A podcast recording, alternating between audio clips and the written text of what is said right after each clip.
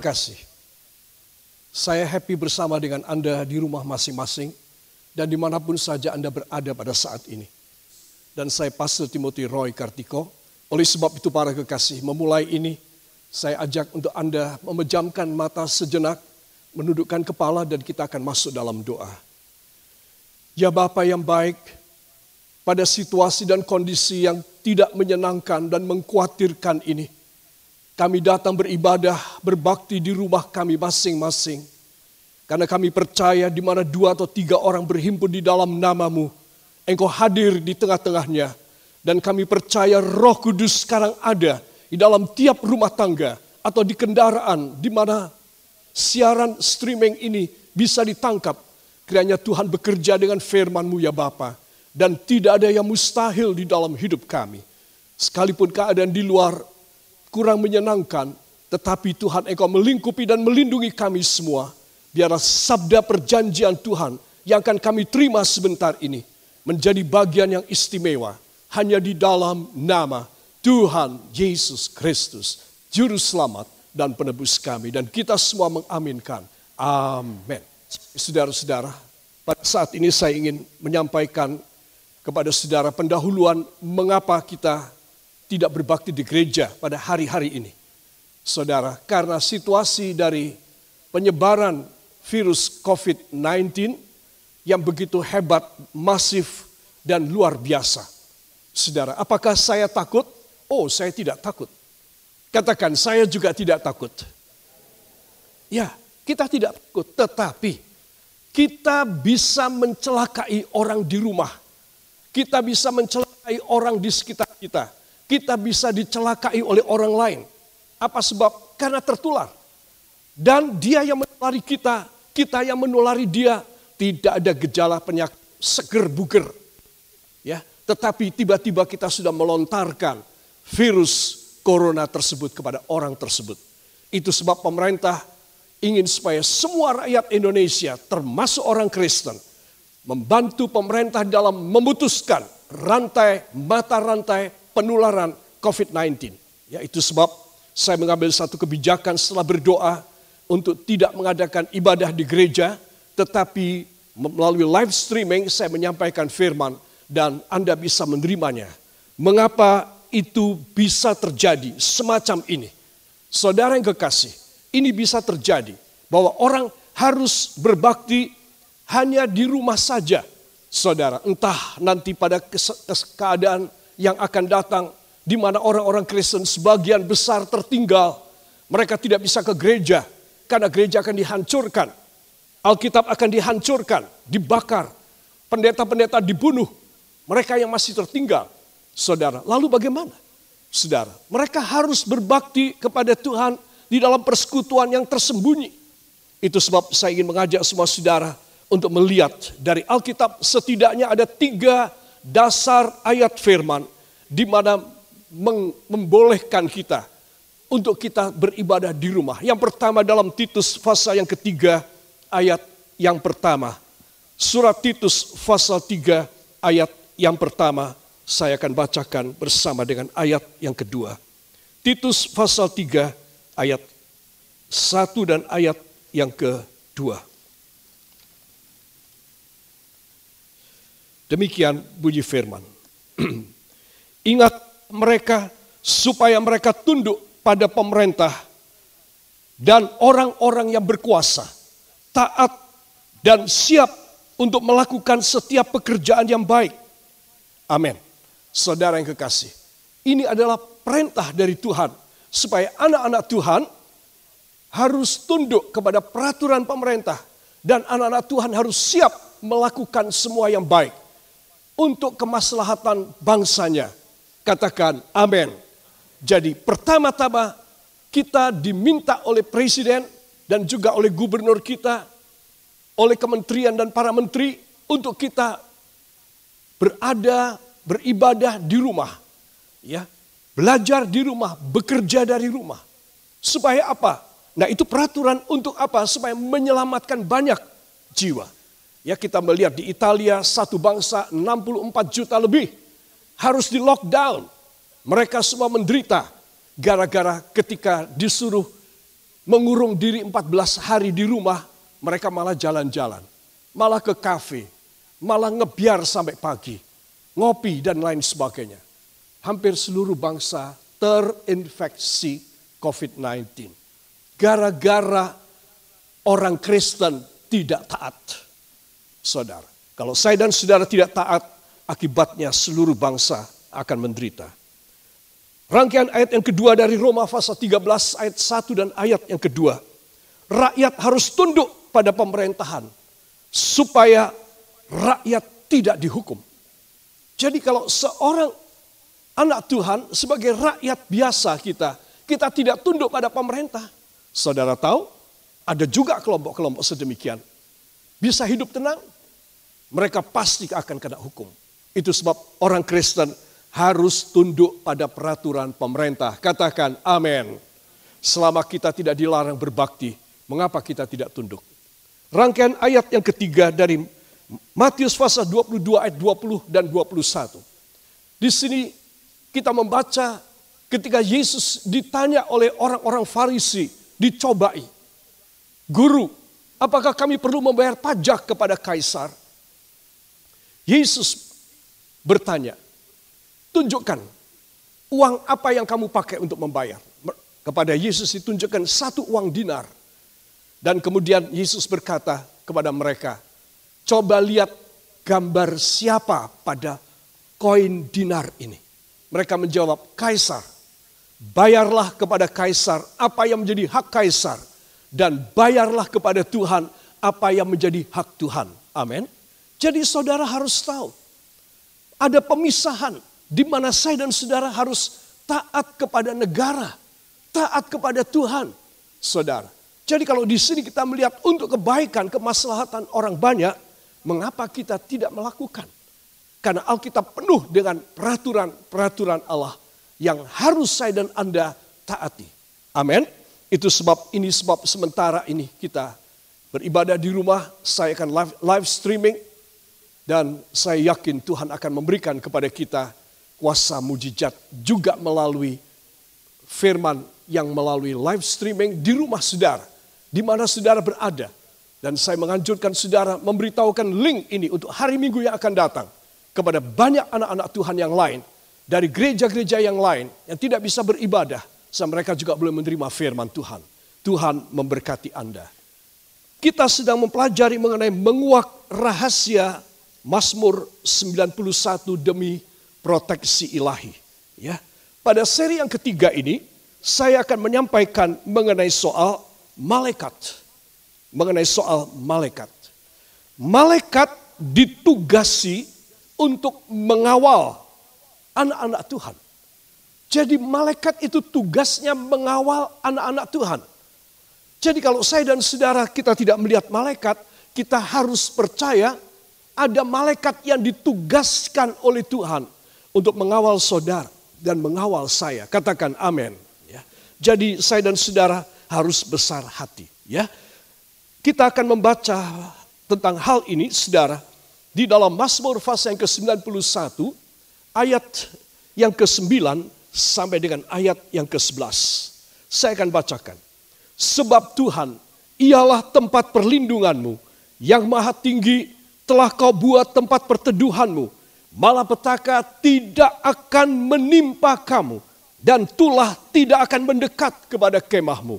Sebab malaikat-malaikatnya akan diperintahkannya kepadamu untuk menjaga engkau di segala jalanmu. Amin. Para kekasih perhatikan. Inilah ayat yang membuat kita menjadi besar hati. Bahwa kita seumpama kita berbakti di gereja, kita akan dijaga, kita akan dilindungi. Amin. Percaya apa tidak? Kita akan dilindungi sesuai ayat ini. Tetapi kita bisa membuat susah banyak orang lain. Ya saudara. Jadi kenapa kita tidak berbakti di rumah? Karena kita tetap dilindungi oleh Tuhan. Sebab dia adalah tempat perlindungan yang maha tinggi telah membuat kau, telah kau buat menjadi tempat perteduhanmu.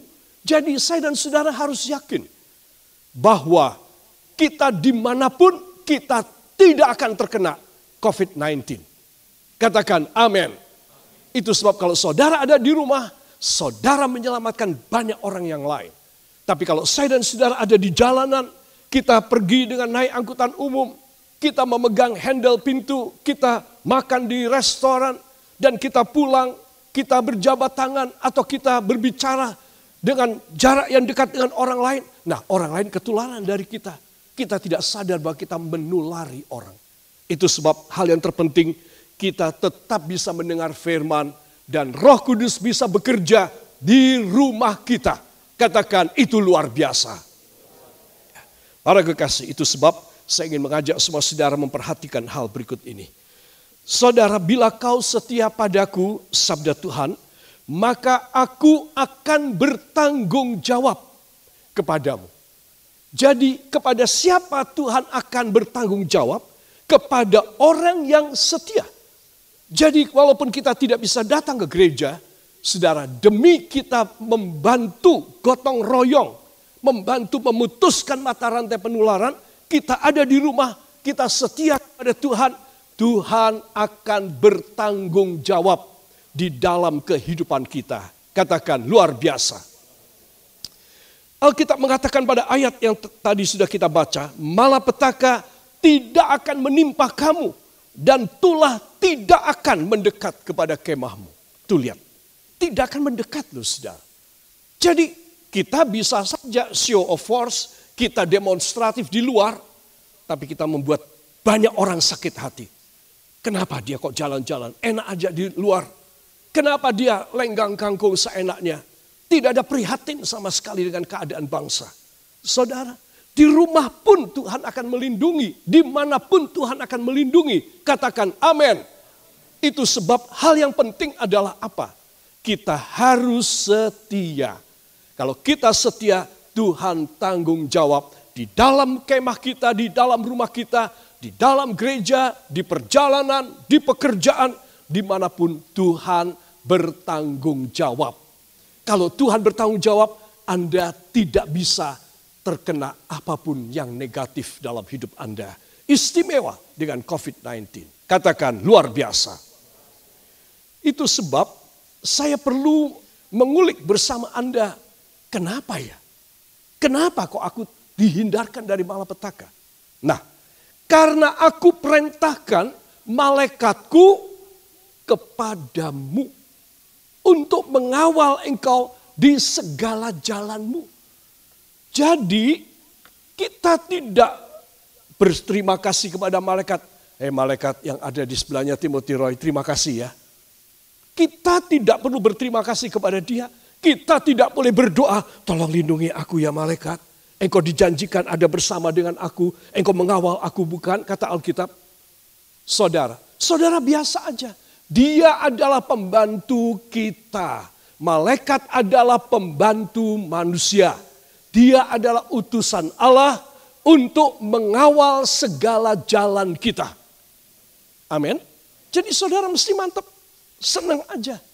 Tetapi saudara dilarang berdoa kepada malaikat. Dilarang menyembah malaikat. Dilarang memuji nama malaikat. Karena malaikat itu adalah pesuruh. Ya, itu sebab saya perlu menjelaskan etimologi dari kata malaikat itu. Ya, saudara the angel of the Lord, malaikat-malaikatnya diperintahkannya kepadamu. Saudara, dalam bahasa Aramik, bahasa perjanjian lama, malaikat disebut dengan mal'ah. Saya tidak tahu apakah kemudian dari sini berubah menjadi malaikat, tetapi ada kemiripan sedikit. Mal'ah, ya, mal'ah itu adalah utusan atau pembantu. Ya, saudara, dan ini bisa dimensinya malaikat malaikat beneran dari sorga. Juga dimensinya, profilnya bisa nabi. Itu sering disebut dalam Alkitab sebagai malaikat Tuhan nabi. Atau imam. Imam dalam bahasa modern adalah pastor atau pendeta. Jadi orang yang punya pendeta sebetul, sebetulnya secara tidak kasat mata, secara secara subjektifnya dia mempunyai malaikat. Jemaat yang mempunyai gembala, pendeta, imam, jemaat yang mempunyai malaikat. Kita melihat tentang sebutan dalam Wahyu pasal 2 dan Wahyu pasal 3. Tuliskanlah kepada malaikat jemaat di Laodikea, di Sardis, di Tiatira, di Philadelphia, dan lain sebagainya. Tuliskan kepada malaikat di jemaat. Siapa malaikat di jemaat? Gembala. Jadi malaikat itu adalah gembala. Malaikat itu juga utusan Allah, bisa nabi, bisa malaikat beneran. Itu kata mal'ah. Ya. Tugasnya atau saya tuliskan maksud yang lain adalah pengkhotbah. Jadi ketika saudara mendengar firman Tuhan, saudara harus tahu malaikat Allah diutus untuk menyampaikan pesan kepada aku. Ya, nah tugasnya apa? Memberi bantuan.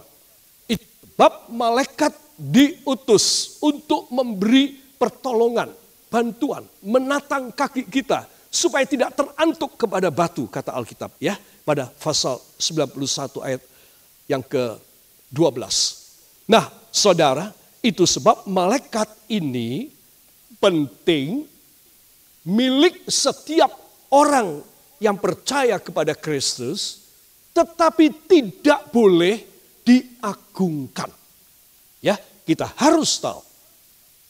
Ada gereja-gereja yang mengagungkan malaikat dan membuat lagu-lagu khusus untuk malaikat. Nah itu satu penghinaan kepada Tuhan. Dia itu hanya hamba pembantu saudara. Pembantu yang harus kalau dia tidak bekerja membantu kita orang, dia akan diusir masuk neraka oleh Allah Bapa. Jadi malaikat adalah pembantu kita. Tetapi jangan hiraukan dia. Karena dia otomatis bersama dengan kita orang dia menyertai kita atas perintah dari Allah Bapa di sorga. Katakan luar biasa. Ya, jadi saudara mesti tahu. Dia di bawah perintah Allah. Ya, karena Alkitab tadi mengatakan, maka aku akan mengutus malaikat-malaikatku kepada kamu. Jadi malaikat diutus dan dia tidak boleh berkomunikasi apa pun dengan orang yang dia bantu. Karena dia diutus, dia harus bungkam. Kecuali Tuhan perintahkan dia bicara. Itu ada beberapa kasus dalam Alkitab, malaikat bicara kepada manusia. Manusia bicara dengan malaikat. Ya, tetapi yang penting adalah saudara dan saya sebagai orang-orang Kristen, kita harus yakin kita selalu dikawal oleh malaikat Tuhan tidak usah bilang terima kasih kepada malaikat Tuhan karena dia cuma hamba Tuhan dan dia diutus untuk mengawal jalan kita. Katakan, saya hanya berterima kasih kepada Tuhan Yesus yang di sorga, bukan kepada malaikat. Amin. Ya, itu penting sekali.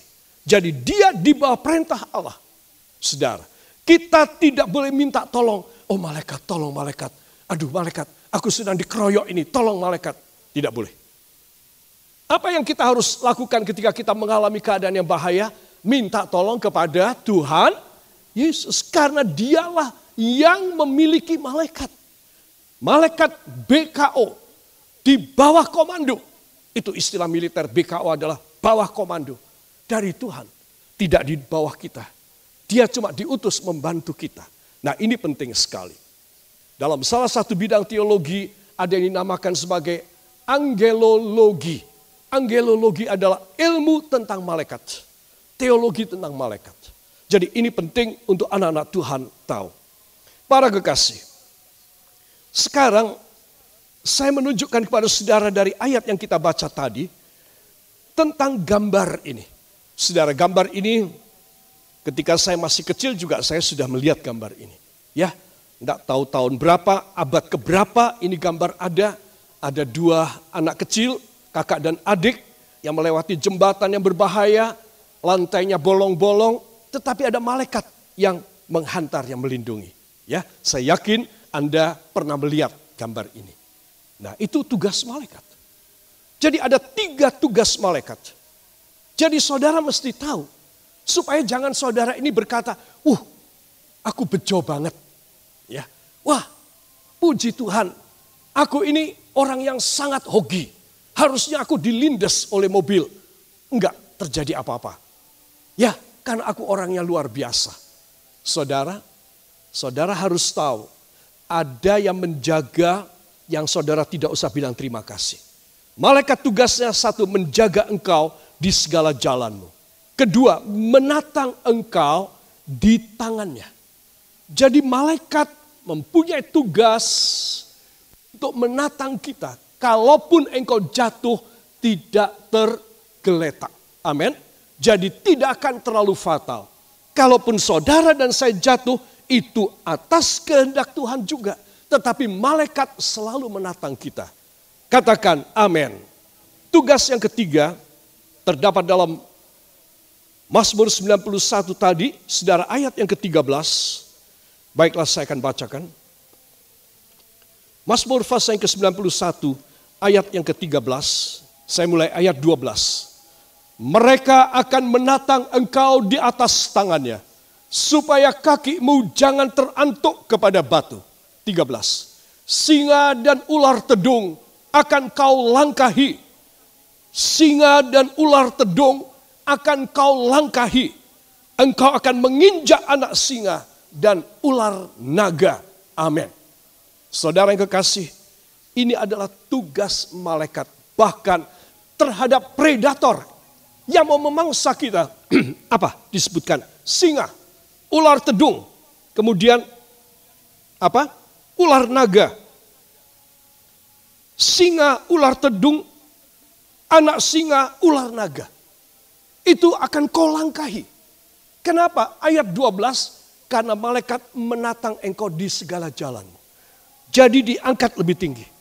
Ketika ada singa, ada ular tedung, ada ada ular, ada anak singa, malaikat menatang kita. Artinya menghindarkan kita. Jadi para kekasih, cara bagaimana saya dan saudara lepas dari COVID-19, dari mara bahaya dan malapetaka, dari kecelakaan dan dari bencana, dari segala yang akan mengganggu kita. Saudara, caranya kita berseru minta tolong dalam doa kepada Tuhan Yesus Kristus. Saudara tidak boleh minta tolong kepada malaikat. Karena akhir zaman sudah mulai muncul gereja-gereja dan pengajaran-pengajaran palsu. Di mana mengunggulkan malaikat. Ini pasti anak buah Lucifer. Karena Lucifer itu malaikat. Yang dilempar dari sorga. Masuk neraka menjadi satan. Ya, Nah mereka sekarang mulai memunculkan gereja malaikat dan mereka sangat mengagumkan dan menyembah malaikat. Ya, itu sebab perlu saya menyampaikan karena dengan kesulitan-kesulitan yang akan melanda dunia tidak tertutup kemungkinan iblis bekerja berbagai macam cara. Tuh lihat kamu berdoa dalam nama Yesus nggak dijawabkan. Coba kamu berdoa kepada malaikat. Siapa tahu kamu dijawab. Barangkali pasti dijawab. Nah itu mulai menyebar. Tetapi saya perlu menyampaikan dalam Bible study ini bahwa itu harus dijaga. Kita hanya boleh berseru dan berdoa kepada Tuhan Yesus Kristus. Katakan amin. Ya, Tuhan memberkati kita sekalian. Saudara, ada dua hal akan saya sampaikan berikut ini. Malapetaka yang paling fatal adalah pekerjaan iblis bukan COVID-19. Saudara, banyak orang dan banyak negara semula mengentengkan COVID-19 karena ini mempunyai bentuk virus seperti virus influenza. Jadi sudah jamak influenza itu dari dua abad yang lalu sudah ada obatnya. Ya saudara, jadi ah ini biasa. Enggak taunya tidak biasa. Karena dia sudah bermutasi, dia sudah lebih sophisticated dan dia mengubah cara penyebarannya. Para kekasih, tetapi di atas semua kedahsyatan virus ini, saudara dan saya harus sadar ada pekerjaan iblis lebih dahsyat. Itu sebab kalau kita berseru seperti yang kita doakan, kita baca di dalam Mazmur 91, itu mengenai soal bencana alam, itu mengenai soal pestilensi atau wabah sampar, itu mengenai soal peperangan anak panah, berapi yang di siang hari bolong berseliweran di antara kamu, yaitu peperangan, apa pun saja, saudara, yang lebih dahsyat adalah pekerjaan iblis.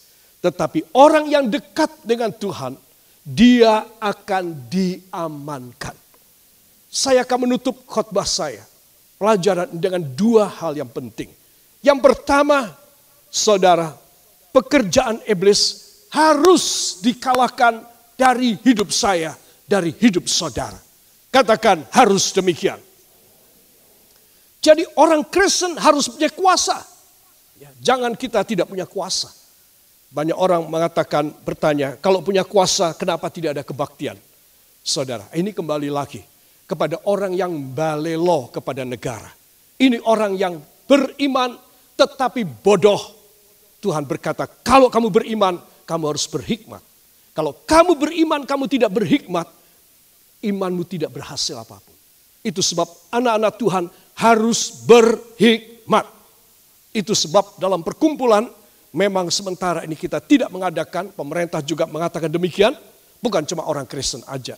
Di masjid juga saudara kita kaum muslimin juga tidak bisa. Ya, itu sebab Anda dan saya harus tahu yang lebih dahsyat dari ontran-ontrannya di Indonesia saat ini adalah lebih dahsyat pekerjaan iblis. Itu sebab anak-anak Tuhan, saya perlu membacakan tentang hal yang pertama. Dari Matius pasal yang ke-8, ayat 16 dan ayat yang ke-17. Menjelang malam, dibawalah kepada Yesus banyak orang yang kerasukan setan. Dan dengan sepatah kata, Yesus mengusir roh-roh itu dan menyembuhkan orang-orang yang menderita sakit. Amin. Saudara yang kekasih, ayat ini saya suka karena dia begitu jelas. Mudah dimengerti, sekali baca, nangkep. Yaitu apa? Yaitu menjelang malam. Orang-orang yang dirasuk setan, orang-orang yang sakit, dibawa kepada Tuhan menjelang malam. Saudara, pernah saya jelaskan kenapa tidak siang, kenapa tidak pagi, kenapa tidak sore. Tapi kalau sudah gelap macam begini, baru orang-orang tersebut dibawa kepada Yesus. Karena memang mereka tidak boleh berkeliaran.